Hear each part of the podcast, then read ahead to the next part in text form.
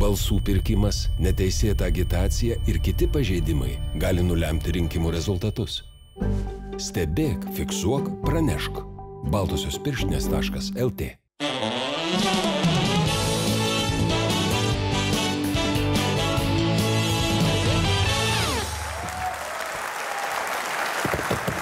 Sveiki! Sveiki, sveiki visi žiūrintis, prenumeruojantis, raudonas mygtukas apačioje, jeigu jūs dar neprenumeruojat, ir remiantis. Jeigu manot, kad esame verti jūsų 2 procentų, video prašyme yra kaip tai daryti. Laikykitės ten ir šiandien mes laikomės Joniškyje. Ir žinot, nėra lengva.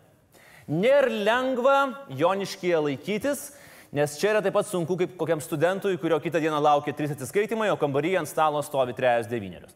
Nes Joniškis yra unikalus miestas Lietuvoje, nes net paties Joniškio merui čia yra sunku laikytis. Gerbiamas merė, jūs esate rajono vadovas ir vesdamas tarybos posėdžius neturėtumėte rodyti savo nepasitenkinimo, pykčio ir taip toliau, o bendrauti normaliai. Ne vien meras, bet man atrodo ir tarybos nariai turi elgtis korektiškai, uždavinėti klausimus, kas surišta su sprendimo projektu. Nu tikrai iš kantrybės išveda, o tokias nesąmonės. Bet jūs turit laikytis, jūs Laikytis. meras. Aš laikiausi 3,5 metų, žiūriu, jau nebelabai laikaus. O!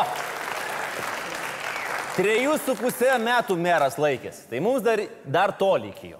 Na, bet išsilaikysim. Jeigu kas netikit, galite lažintis iš šimto dolerių.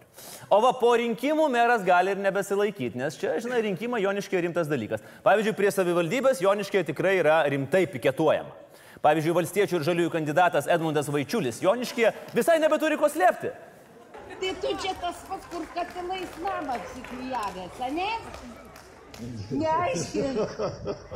Ašgi tave atpažinau, ašgi žagarį. Prie upės auga medžiai ir kažkokiai moteriai prireikia malkų. Ji nuėjo pas pažįstamą, ji sako pjauk, ji nupjauk, gerą medį. Ten sako laivą, nedaug praplauk, laivą plaukot maistą, ten žagarės upė nėra, nėra laivų. Atpažinau. Kas įdomu, kad bičias garsiau rėkia be megafono negu su juo. Na bet žinai, kur nerėksi kaip plikas basas viduržėmis su vėliava. Aš tikiuosi, Joniškiai yra gerų urologų, nes jam tikrai gali prireikti. Ko man dar patinka Joniškis, kad pavyzdžiui vietiniai politikai visada susiranda savo lygmens oponentų. Pavyzdžiui, vienas iš vietinių socdemų lyderių, ponas Jonaitis, po praėjusių savivaldos rinkimų buvo užsipuolęs jo memą internete sukūrusią moksleivę ir žadėjo užsiundyti institucijas ir bylą jai dėl asmens orumo įžeidimo. Matyt, kažkada ponų Jonaičių nepaėjo žaidimas nesugudresnis už penktoką, tai bandė atsigriebti. Na, būkim atviri. Tokia kova smirda kaip, nežinau, kaip Sidabros keliuninkystės kompleksas ar dar kažkas. Nežinau, kaip byla baigėsi, greičiausiai Sotsdemas Jonaitis laimėjo, nes pernai buvo paskelbtas Joniškio rajono garbės piliečių. Nu, nebūtinai garbingai. Šiaip iš tikrųjų yra kieta. Tikrai kieta, kai rajono taryba rajono garbės piliečių išrenka rajono tarybos narį. Na, vat man tai primena voveriuką. O kodėl voveriuką? Nes voveriukas yra vienas iš nedaugelio gyvūnų, galintis pats savo atlikti autofelacijos aktą. Kas nežinot, ką tai reiškia, pasigūglinkit. Čia jums nelangas į gamtą. Joniškis tikriausiai turi ko didžiuotis ir be moksleivės linčiuojančių politikų, ir be į megafonus rėkiančių plikų kandidatų. Bet knygų mūgėje prie manęs prie Joniškiečiai prašė labai nedusinti vietinio turizmo informacijos centro, ką mes labai mėgstam daryti, nes ten dabar yra viskas pertvarkoma. Na, nu, aišku, mes nuėjom pažiūrėti, tvarkymas vyksta pakankamai ilgai, nes puslapyje yra šešios naujienos, kurių dvi parašytos pernai pavasarį, o viena paslaptingai teigia Med Adventure parodoje. Renginių nėra, verslui pateikiama trijų metų senumo informacija, yra viena ekskursija ir viena pramoga. Na, trūksta prie naujienų dar prirašyti, kad suimtas Eligijus Masiulis. Žinot, na, net Joniškio turizmo informacijos centras neturi informacijos, ką turistui nuveikti Joniškėje. Na, bet žinot, vėlgi, Joniškė net ir merui sunku laikytis, tai ką jau kalbėti apie turistus. Rubrika Savivalda mano meilė mūsų žiūrovai galėjo stebėti specialioje laidoje penktadienio. Aš tik primenu, kad sekmadienį vakare visų laukia Laisvės televizijos rinkimų nakties maratonas. Savivalda mano meilė tiesiogiai iš tinkamiausios šitiems rinkimams vietos Vilniuje, tiesiogiai iš Halės turgavietės. Ir tai nėra pokštas, mes ten būsime su Rita Miliutė visas keturias valandas ir pranešinėsime jums naujausius rezultatus iš savivaldos rinkimų. Na, o dabar. Dabar pažvelkime, kas dar vyko Lietuvoje praėjusią savaitę. Saulis Kvernelis pradėjo prezidentinę rinkimų kampaniją ir pirmojo vizito nuvyko į Kedainius. Susitikime su žmonėmis Praimas pareiškė, kad iš jo yra bandoma daryti kažkokį monstrą. Todėl jo siekis yra tokį įvaizdį panaikinti. Na, kas Kvernelis tikrai moka, tai panaikinti. Šitą mes jau žinom. Žiniasklaida skelbia, kad susitikimo metu vyrė intensyvus parašų rinkimas. Per dvi valandas pavyko surinkti 20. 20 parašų tikrai yra nemažai. Per 2 valandas 20 parašų tai yra vienas parašas per 6 minutės. Mes šitą scenarijų parašėm per 6 minutės. Jaučiasi, ne, kad per 6 minutės. Praimas internetu jau yra surinkęs 5000, reiškia liko 15 tūkstančių, jeigu kiekvieno susitikimo metu ir toliau bus renkama po 20 parašų. Tai prireiks nei daug nei mažai 749 tokių susitikimų, kad būtų surinktas reikiamas parašų skaičius. Na, o šiaip svarbiausi 19 metų rinkimai jau įvyko. Lietuva pagaliau išsirinko savo atstovą Eurovizijoje ir juo tapo Jurijus Veklenko. Na, vėl išrinkom ne tą.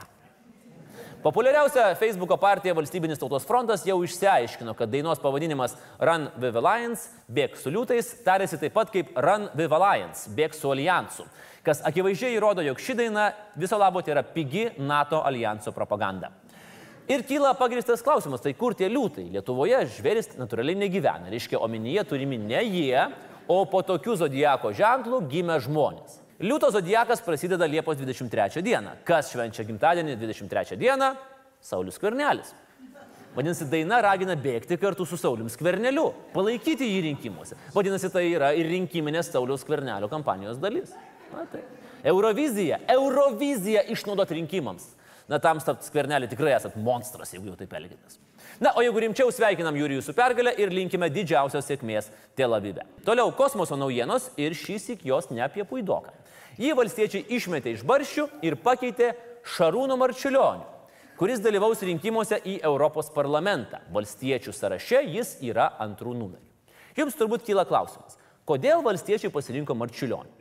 Viktoras Pranskėtis paaiškino labai paprastai. Marčiulionis į sąrašą pateko ekspromtu.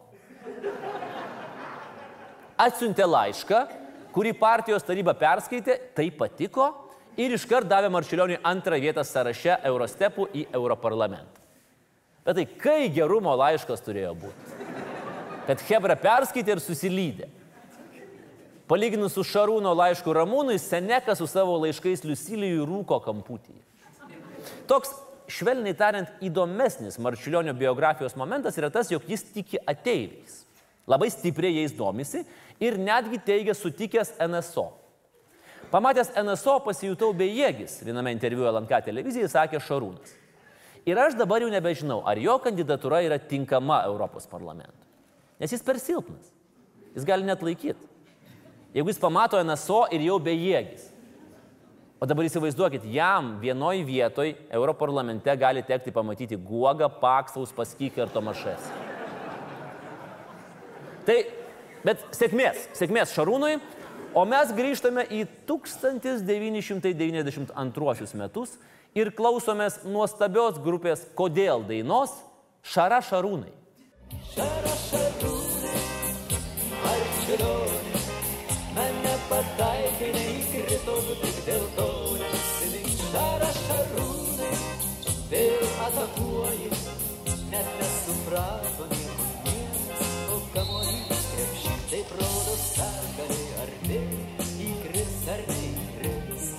laikas spaudžia baisiai, jokia nepaslaptis. Minutė kita vyrai dar gyvė ar mirtis. Juk tiek nedaug, juk tiek nedaug ir pergalšys. Šara šarūnė, marčiulionė, man nepataikė, neįkrito, tu tik dėl to nesimink. Šara šarūnė, vėl atakuoji, net nesuprato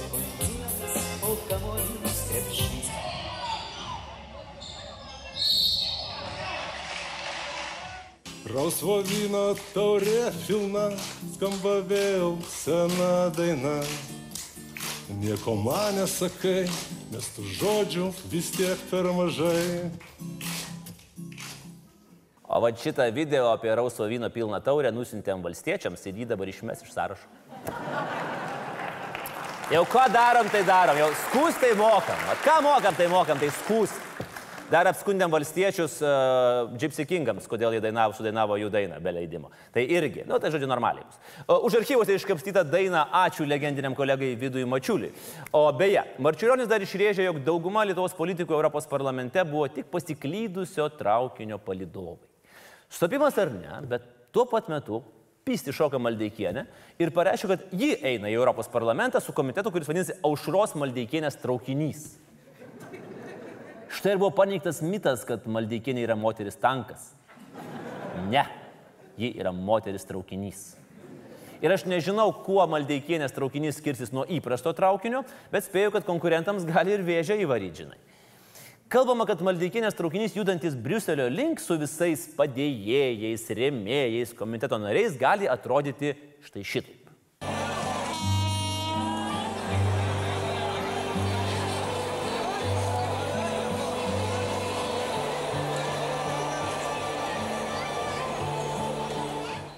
Bet Aušros ekspresas yra juokas palyginus su programa, kurią pateikė į Europos parlamentą kandidatuojantis dr. Stanislovo Tomo komitetas ir kurios teigėjai už programą pasirašė krauju. Literaliai krauju. Kas yra žiauriai nehigieniška ir grėsia hepatitu ar dar ko nors, bet vis tiek, nu, kietai, reikia pripažinti, kietai. Nes Uspasikas tik išsiūlėsi iš Venos duot pačiulbį. O realiai krauju Lietuvos politikoje dar niekas nepasirašinėjo. Šitą susijaudinimą lūpą iki kraujo įsikandus. Gal irgi galiu pasirašyti. Kita naujiena. Andrius Navisko vadovaujama mokytojų profsąjungas siekia Ministerijos švietimo kokybės ir regioninės politikos departamento direktoriaus Aido Aldakausko atleidimo. Sakysite, kodėl šis naujiena verta paminėjimo laidoje? Ogi todėl, kad Aidas Aldakauskas yra tas bičias, kuris už Pitrėninę skaitė žymėjo jos kalbą, kol prelegentė rankoje laikė balionėlį. Aš noriu perskaityti keletą ministrės sveikinimo žodžių. Čia yra oficiali kalba. Faktas kaip blinas, jeigu aukštas švietimo valdininkas gauna į rankas balionėlį, jo karjera jau sakyk sprog. Paskelbti Oscarų laimėtojai šią savaitę. Geriausių filmų tapo Žalioji knyga, užnugarėje palikusi tokias juostas kaip Roma ir Bohemijos rapsodija. Na, Oskaruose kaip ir Lietuvoje. Žalieji visada laimi prieš Romą ir Bohemą. Žaliosioms knygoms Lietuvoje sekasi ne taip gerai. Romano Žali autoriui Marijui Vaškevičiui prasidėjo nauji nemalonumai. Tik prokuratūra spėjo atsisakyti tyrimo dėl romano, atėjo žinia, kad Ivaškevičius yra kviečiamas į policiją pasiaiškinti dėl viename radio interviu išsakytų minčių. Ir paaiškėjo, kad policijai Ivaškevičių įdavė tą patį prokuratūra, kuri matė pretekstą nagrinėti rašytojo ir dramaturgo žodžius. Va taip Lietuva. Dabar tai lieka sulaukti skundo prieš Ivaškevičių dėl jo mistro, nes skamba panašiai kaip ministras, o valdžios vardo to nebus galima minėti be reikalo, arba dėl Madagaskaro, nes žodžiai Madagaskaras yra žodis, žodis karas. Ivaškevičius dar yra parašęs ir romaną Istorija nuo debesies. O galima pasidomėti ir prokurorams, ar rašytojas turėjo civilinės aviacijos leidimą pakilti iki debesų ir ten rašyti istoriją. Užsienyje vienas Sankt Peterburgo choras sukėlė skandalą, kai užtraukė dainą apie atominį JAV bombardavimą.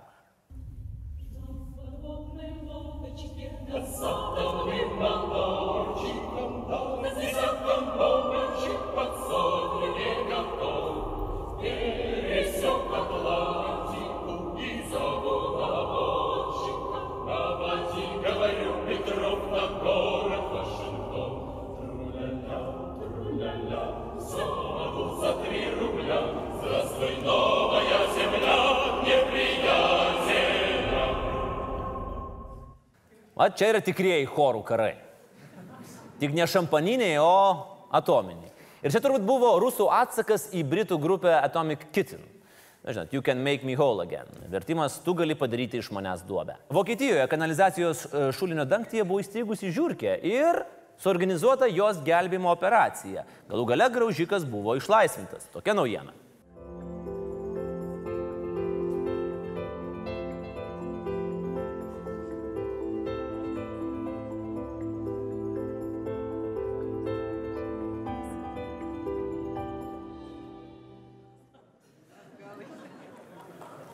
Svarbiausia, nerodykit šito video konservatorių kandidatį ir kenkėjų terminatoriai Godai Karazijaitė, nes jinai, žinokit, buvom visai iš proto išėjęs. Kaip taip gali būti?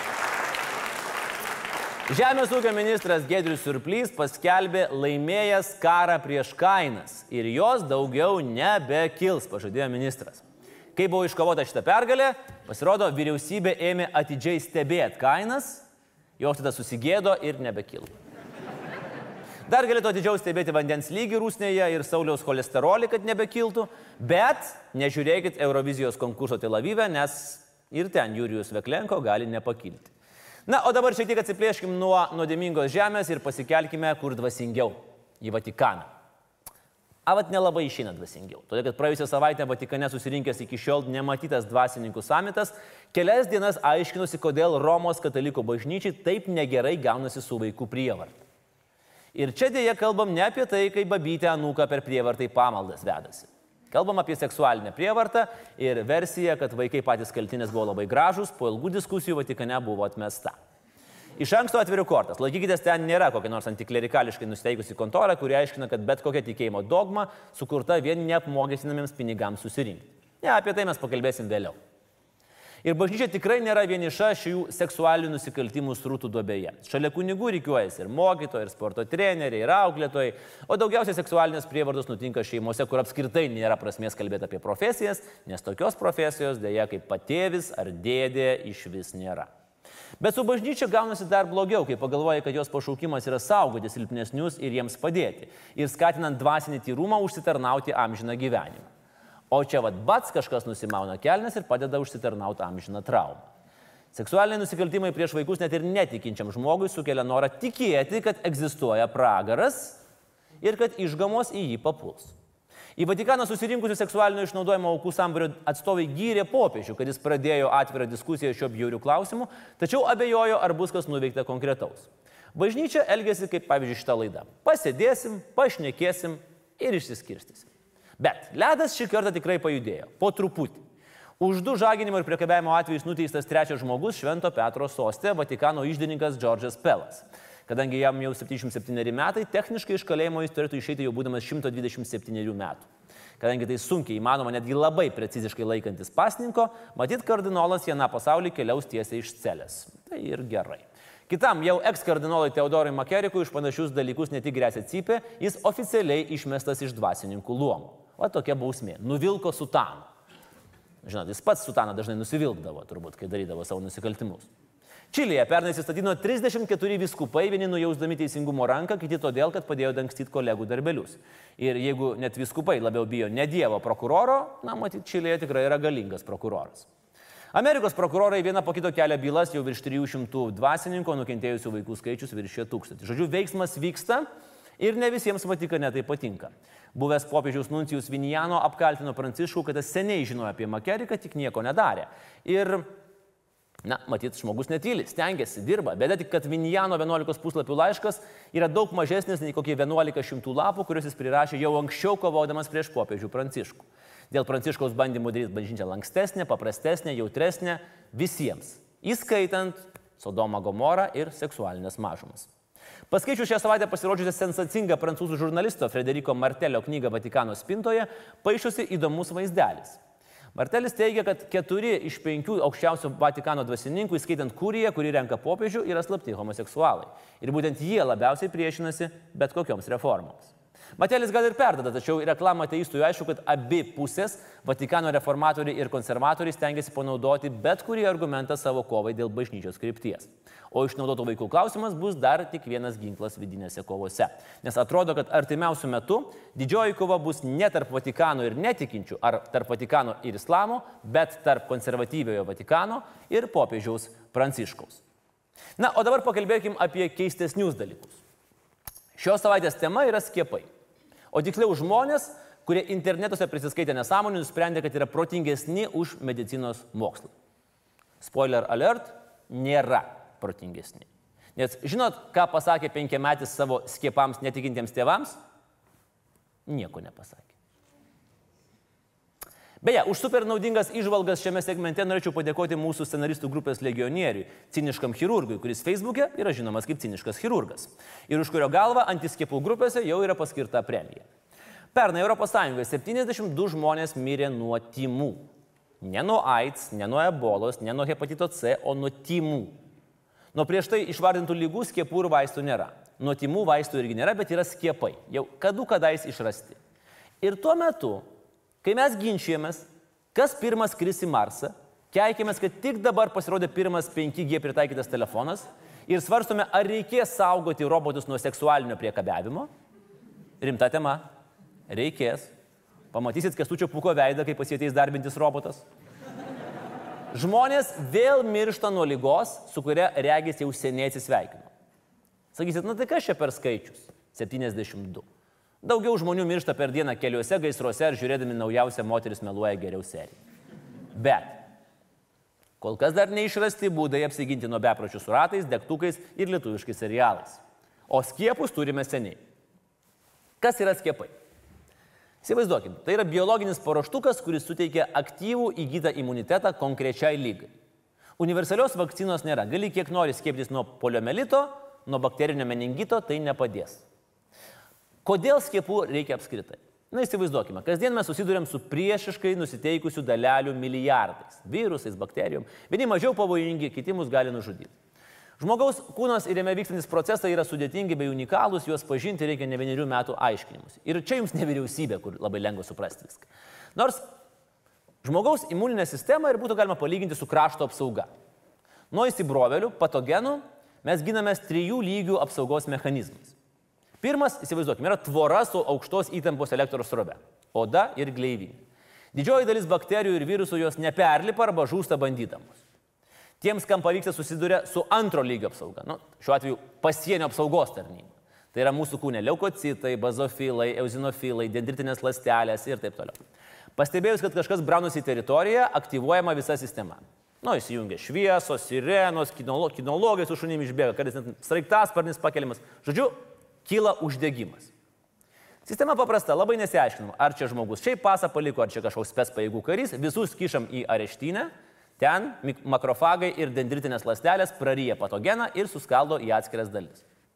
Ir vad, kai kablių iš kairės gauna visi, kas arti stovi, tai yra vadinama rokio efektu, o medicinoje nespecifiniu imuniniu atsaku. Ir tada jau sulaikus pažeidėją pradedama aiškintis, kas toks, iš kur, vardas, pavardė, tėvavardis. Viskas protokoluojama, siunčiama į centriuką ir prasideda trečiasis apsaugos lygis. Pagal gautą informaciją tada jau ruošiami specialūs agentai su specialia techninė įranga, antikūnais, kurie lengvai ir greitai atpažįsta bei neutralizuoja konkrečius pažeidėjus. Na, vad, kai darbas baigtas ir infekcija suvalgyta, dalis agentų išeina į atsargą ir iš esmės lieka tik informacija, kaip atrodo ir kaip kovoti su įsibroveliais. Ir tada mes įgyjam imunitetą. Kita kartą tam pačiam priešui, mėginant prasibrauti pro apsaugą, bus gerokai sunkiau. Bet kodėl imunitetas neapsaugo nuo visko? Problema yra laikas. Nuo to, kai fiksuojamas pirmas kontaktas su lyga, iki tol, kol atsiranda pakankamai specifinis atsakas, praeina maždaug 70 dienų. Per tą laiką galima sukurti sunkiai suvokiamą viruso kopijų skaičių. Ir visa imuninė sistema mūsų kūne mobilizuojasi, stengdamasi izoliuoti infekcijos žydinį, palikdama atvirus nesaugomus vartus, pro kuriuos gali užklysti bet kuris kitas oportunistas. Na, pavyzdžiui, Serbijos rinktinė, Rumunijos rinktinė, Makedonijos rinktinė į tuos atvirus nesaugomus vartus gali užklysti. Na, žinot, apie ką aš kalbu, mano mėly draugai. O jeigu organizmas susiduria su jau pažįstamu patogenu, specifinis atsakas pika pasiekia per 3 dienas, todėl infekciją suvaldyti gerokai lengviau. Ir vat, vakcinos arba skiepai yra jau apdorota informacija kovai su lyga. Tam tikros bakterijų ar virusų dalis arba labai mažas neaktyvaus viruso kiekis. Jis nesidaugina ir imuninė sistema reaguoja kaip į tikrą įsibrovelį ir kartais sukelia visus uždegimui būdingus požymius. Karščiavimą, skausmą, paraudimą, bet suteikia neįkainojimą informaciją apie lygos sukėlėją ir pagal ją paruošiamas specialios paskirties būrys antikūnai, kuris neutralizuoja tikrąjį priešą. Nespėjus mums net susivokti, kad toks pas mus buvo kūne. Va taip veikia vakcina. Jeigu, žinoma, nėra imuninės sistemos defektų kaip AIDS arba kūnas nėra slopinamas vaistais. Kartais galima išgirsti, kad persirti lygą ir įgyti atsparumą yra geriau negu skiepytis. Tai yra durnystė. skiepo komplikacijų tikimybė yra daug mažesnė nei tikros lygos komplikacijų. Mūsų nacionalinis visuomenės veikatos centras pateikia tokius skaičius. Vienas iš penkių šimtų susirgusių tymais miršta. Skiepas nuo tymų sunkės alerginės reakcijas sukelia vienam iš milijonų. Vienas iš penkių šimtų, vienas iš milijonų. Nu, čia kaip šansas, kad Mazuronis surinks parašus ir šansas, kad taps prezidentu. Čia net ir humanitarai suskaičiuos. Ir patikėkit, žmonija prie šito nepriejo iš karto. Skiepai atsirado 10-ame amžiuje Kinijoje, kai sveikas žmogus būdavo apkrečiamas maža susirgusio žmogaus serumo doze, tikintis, kad sveikas susirgs švelne lygos forma, o organizmas išmoks grumti su piktais lygos demonais ir visi gyvens ilgai ir laimingai. Europoje pirmas tai pradėjo daryti vaistininko padėjėjas Edvardas Jenneris, kuris pastebėjo, kad melžėjos beveik niekada nesusis, nesusirga raupais, kadangi užsikrečia švelnesniais karvių raupais. Tada jis paėmė, nu atsiprašau visų, pūlinio iš karvės raupai susirgusios melžėjos ir išvirkštė jos 8 metų berniukui. Nu, fantastiška selekcija. O po šešių savaičių tam pačiam berniukui suleido ir tikrų, hardcore'inių raupų ir tas nesusirgo. Ir taip ėjo metai, žmonės kūrė vieną vakciną po kitos, naikino vieną užkrečiamą lygą po kitos. Pamiršom difteriją, raupus, tymus, poliomelitą. Na, ko dar nesugebam? Nuo AIDS nesugebam skiepyti, nuo malerijos, Na, o nuo gonorėjos irgi vienintelis skiepas yra negerti to papildomo tekilos šoto bare ketvirtą ryto, mengai pažįstamų, bet labai linksmų moterų kompanijoje. Bet dabar stoja kitas klausimas. Ar reikia ieškoti naujų skiepų? Nes žmonija, na, okei, okay, ne visi, bet ypač reiksmingi ir karingi jos atstovai, nenori naudoti senųjų. Klaida būtų manyti, kad antivakseriai, kaip jie save vadina, atsirado vakar arba už vakar. Tokių kaip kepenis ar kiguolis buvo visuomet. Tik skiriasi argumentai. Pat pavyzdžiui, tas pats Edvardas Jenneris dar nespėjo pradėti skiepų nuo raupų, jo tevinainis dvasininkas Edmundas Meisai išspausdino pamfletą apie pavojingą ir nuodėmingą inokulacijos arba skiepų praktiką. Ir kadangi tais laikais populiarūs dvasininkai buvo kaip ir dabar populiarūs dvasininkai influenceriai, o pamfletas buvo jų Instagramo stories, tai jame buvo aiškinama juodo ant balto, kad jeigu gailestingas Dievas pasiuntė lygą kaip bausmę už nuodėmę, tai deginti ją skiepais yra šetono planas. Pagal tokią logiką, jeigu šita valdžia, kurią mes dabar turim, yra Dievo bausmė, tai išsirinkti kitą valdžią būtų šetono planas. Didesnės problemos prasidėjo vėliau, kai inokulacijos, o vėliau ir vakcinacijos buvo įstatymų padarytos privalomos. Nepamirškim, XIX amžius, nei kas išmanė patogenus, nei kaip viską sterilizuoti, todėl skiepijant buvo visai įmanoma užkrėsti žmogų tuberkuliozę arba nedaug dievę sifilių. Aišku, atsirasdavo pasiteisinimai žmonai. Iš kur sifilis sugavai? Darbė skiepijo. Bet kokiu būdu, vieni šaukia skiepėmis, kiti steigia antivakcinacijos lygas ir kovoja su skiepais iki paskutinio raupo. Jų šūkis buvo skiepas tik per mano lavoną. Dažnai taip ir būdavo beje.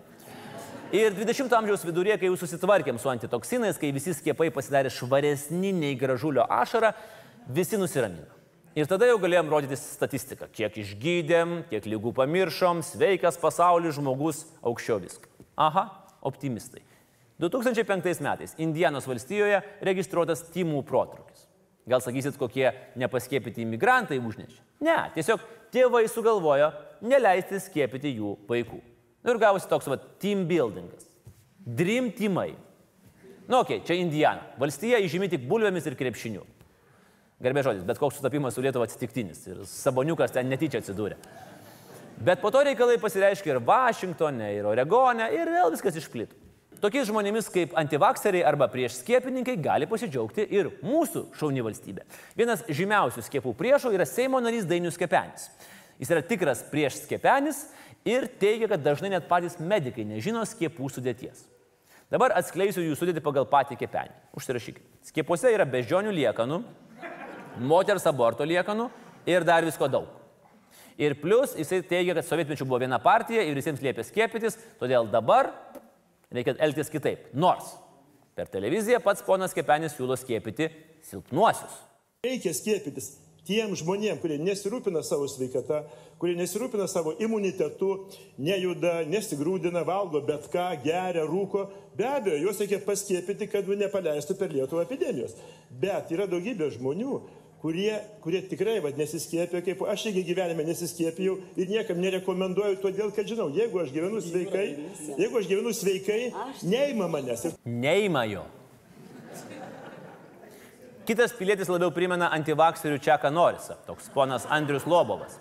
Kartą įdomi istorija, jisai buvo užklydęs į pirminę sveikatos apžiūros centrą ir toliau šitą trilerį pratęsiu jo paties žodžiais.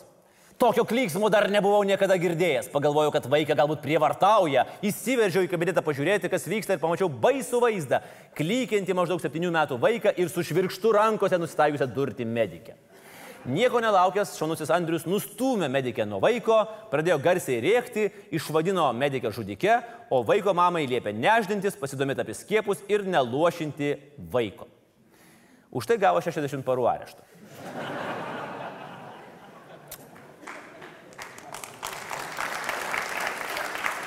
Sėdėdamas turėjo laiko, normaliai, ir sugalvojo, kaip galima išgydyti ketvirtos stadijos vėžį. Kokia paslaptis gy- gydymo? Sveika mytyba.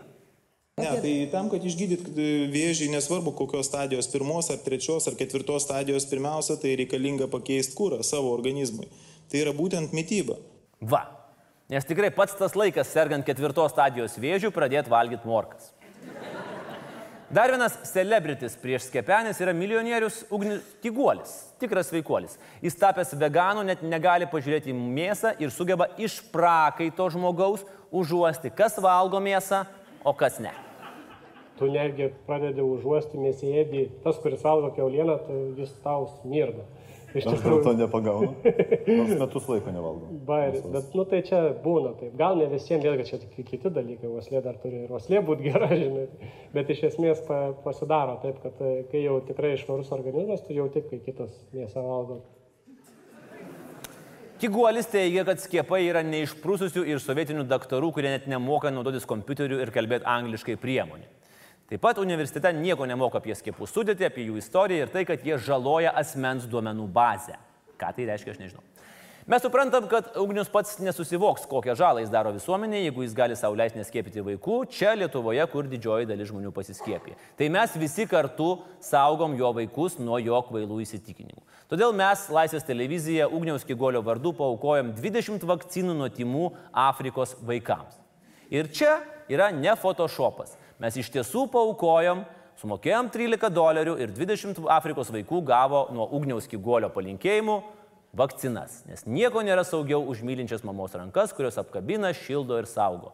Deja, ant mamos rankų yra 3 milijonai bakterijų. Todėl iš tikrųjų nieko nėra saugiau už vakcinas. Aš, Ugnius Kiguolis, dovanoju šį mokslo ir medicinos laimėjimą, kuris apsaugos 20 vaikų nuo timų ir nuo nesaugių mamos rankų.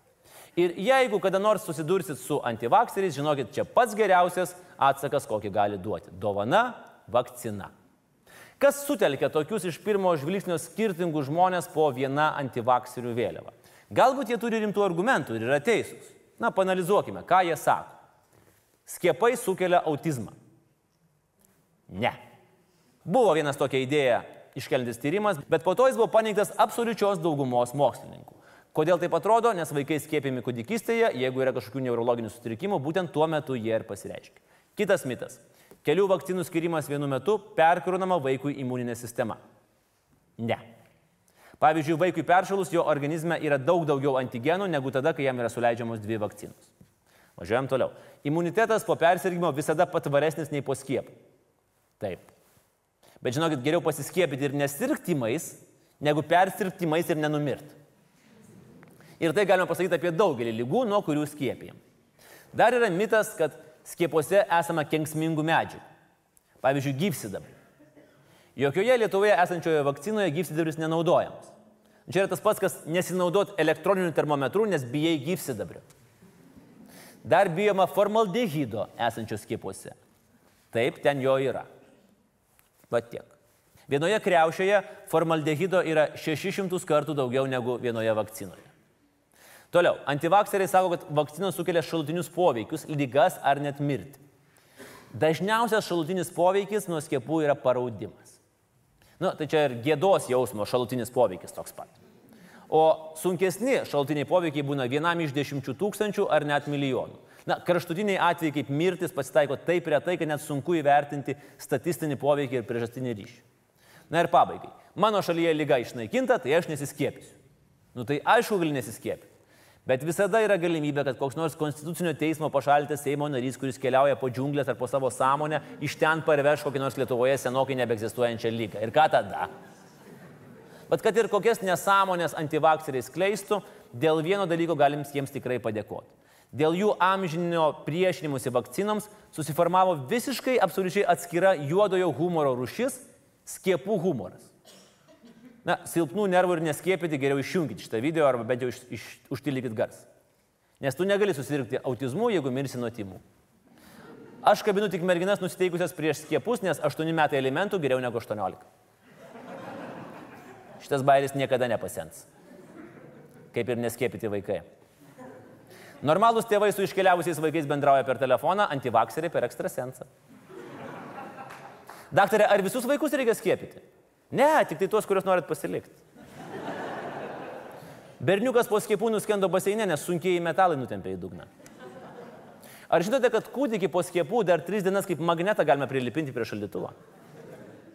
Jeigu verkia paskiepytas vaikas, ar tai reiškia, kad tu klausaisi sunkiojo metalo? Bet visgi didžiausi ir geriausi perliukai sklando socialiniuose tinkluose ir jų komentaruose. Jauna moteris Facebook'e pasigodė, kad jos draugės, ketverių metų mergaitė, mirė dvi dienos po skiepų. Kai visi pradėjo reikšti užuojautas ir klausinėti, kas atsitiko, pasirodo mergaitė važinėjo dviračiu ir ją partininkė girtas vairuotojas. Pasirodo metalai skiepuose pavertė mergaitę magnetišką ir pritraukė mašiną. Antivakseriai dažnai naudoja argumentą, kad jie yra labiau apsiskaitę, žino daugiau ir yra labiau išsilavinę. Cituoju vieną Facebook'o postą. Didelė dalis, kuri yra prieš skiepus, yra gerai išsimokslinę tėvai ir gerai pasidomėję skiepų tema, jų žala, rizika ir ingredientais. Taip, antivakseriai gali būti apsiskaitę, tik tai bėda, kad jie skaito visokio mėšlo ir konspiracijų ir žiūri YouTube filmukus. Dar baisiau, kai savo žinias jie grindžia ir nuoširdžiai grindžia Google paieškomis, o ne rimtų daktarų ar medicinos profesorių patarimais. Bet man tik įdomu, ar antivakserių kompiuteriai irgi yra be jokių antivirusinių programų, kad švarus būtų švarus. Aš netgi pradedu pasilgti laikų, kai žmonės tikėjo nekenksmingomis konspiracijomis. Nu, kad ateiviai pastatė piramides, kad yra sniego žmogus, kad Žemė valdo driežą žmogiai, kad Australijos nėra, kad Rolandas Paksas vis dar gyvas, nu žinot tą visą dalyką. Kai kurie žmonės pasiekė netgi tokį absurdo lygį, kad jie ėmė atsisakinėti skiepyti savo šunis, nes jie bijo, kad šunis susirgs autizmu. Ta prasme, ir kas tada? Pradės gaudyti savo uodegą, ar kas bus? O beje, ar žinote, kaip loja šuo autistas? Au, au, o kaip kitaip jis dar gali loti? Antivakserių skleidžiama žala yra nenuginčiama. Lygos, kurios buvo išnaikintos, grįžta. Ir statistika tai patvirtina. Užsikrėdusių tymai skaičius 18 metais Europoje pasiekė dešimtmečio rekordą. Sveikinam. Jeigu mes bijome pavienių žmonių ir influencerių, galime pažiūrėti, kokios pasiekmes būna, kai skiepai ignoruojami valstybinių lygių. 2015 metais iš daugiau nei 4000 Europoje užregistruotų raudonukės atvejų 96 procentai buvo Lenkijoje. Kodėl? Nes valdžia tikėjo, kad šiai lygai išnaikinti nebūtina skiepyti visus. Ir nuo 89 iki 2004 skiepijo tik merginas. Tai vad, lyga, kurią pavyko išnaikinti kubiečiams, rusams, Lenkijoje vis dar niekaip nemiršta. Antivakseriai dažnai pateikia argumentą, kad skiepai sukelia autizmą ir norėdami jį pagrysti pasitelkia skaičius. Kaip šioje lentelėje, parodančioje, kad kuo daugiau vaikai skiepimi, tuo daugiau autizmo atvejų nustatom. Bėda, kad du įvykiai statistiškai gali vienas su kitu koreliuoti, bet tai nereiškia, kad jie yra susiję. Na pavyzdžiui, va štai ši pirmoji lentelė parodo Facebooko vartotojų ir Graikijos skolos augimą. Pagal antivakserių logiką, Facebookas sukūrė Graikijos krizę. Antroje lentelėje matome filmų, kuriuose vadino Nikolas Keidžius skaičių ir kiek žmonių Amerikoje nuskendo baseinuose. Ir trečioji lentelė. Sūrio suvartojimas Amerikoje ir skaičius žmonių, kurie pasismaugė su lovos užtiesalais.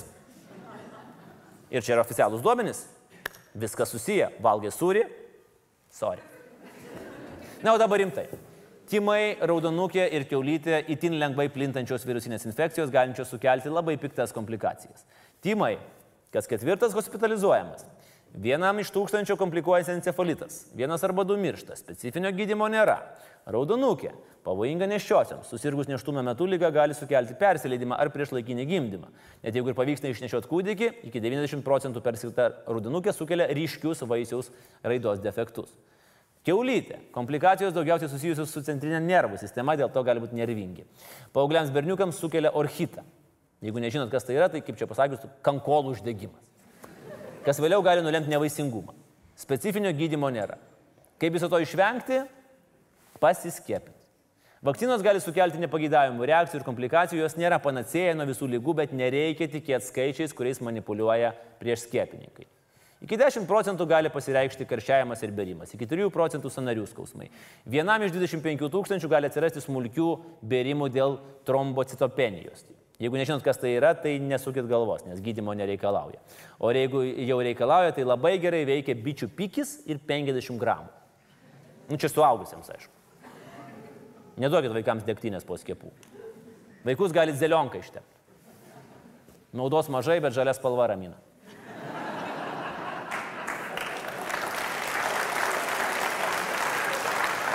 Rezimuojant šitą mūsų temą, antivakseriai nėra labai tikslus apibūdinimas. Juos reikėtų pervadinti epidemijų entuziastai, kurie tikrai nesileis, kad moksliškai pagristi faktai sugadintų gerą istoriją. Dar vienas dalykas, aišku, skiepytis gali ne visi dėl imuninės sistemos sutrikimo ir vartojimų vaistų. Skiepas kai kuriems vaikams gali būti lygiai toks pat pavojingas kaip ir lyga. Kas gali padėti? Skiepas plemp. Tik tai skiepytis turi kiti, kad lyga tiesiog nebeturėtų galimybės pasiekti tų, kurie skiepytis negali. Skiepas saugo ne tik tave, bet ir aplinkinius nuo lygos plitimo. Tai ar reikia skiepytis? Na, jei netikit manim, paklausykit vaikų. Juk ne veltui sakoma, vaiko lūpomis tiesa byloja.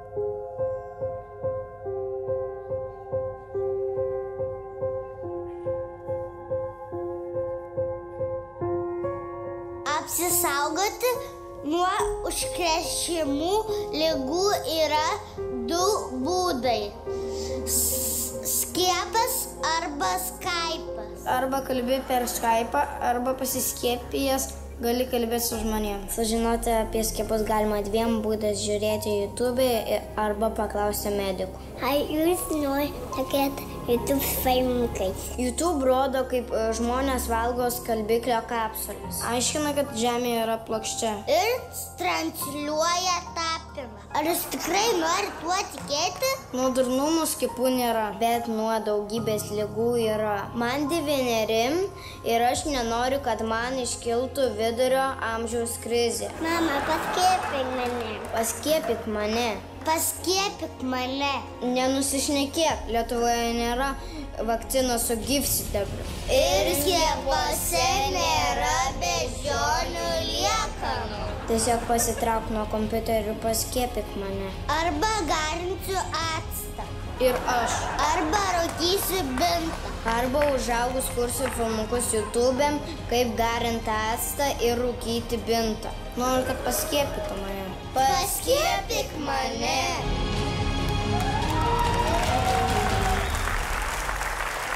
Ar paramo mafija jau sumokėjau šitą video? Ką žinau. Tiek šitą skiepų tema, na, o laidos pabaigoje grįžta mūsų rubrika Kas geresnė? Tik jau ne premjerė, o komisarė. Jos herojus, kandidatas į prezidentus Vitenis Andriukaitis. Aišku, dabar dar trupučiuką ankstoka būtų šaudyti savo į koją. Bet aš galiu pasakyti įdomų dalyką. Antram kursė Brazausko portretas mane be galo šildė. Skurstantis vaikai yra normalu.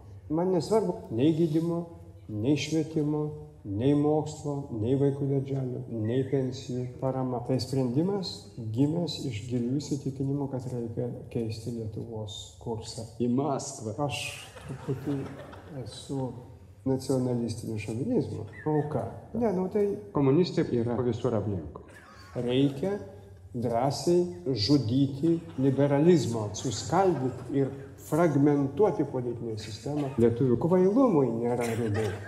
Reikia atimti Lietuvos žmonėms balsavimo teisę. Jeigu būtų galima iš dviejų padaryti vieną prezidentą, tai aš manau, kad Pakso ir Saulis Skvernelio lydinys būtų be galo geras. Čia yra jėga. To reikia. Ir tai jau e, viskas. E, Tų, tų, čiukų, čiukų mūsų laidai mes išvažiuojam kaip maldygienės traukinys. Ačiū žiūrėjusiems, primenu, kad Laisvės televizijoje ką tik debitavo nauja Justino Jankievičiaus laida Justin Lithuania. Žiūrėkit ją, žiūrėkit rinkimų naktį, žiūrėkit, prenumeruokit, žiūrėkit, skirkit 2 procentus, žiūrėkit, nestabdykit. O aš važiuoju namo, nes kaip ir Joniško meras jau pavargau laikytis ir ten ir noriu išgerti vyno. Ačiū, viso gero.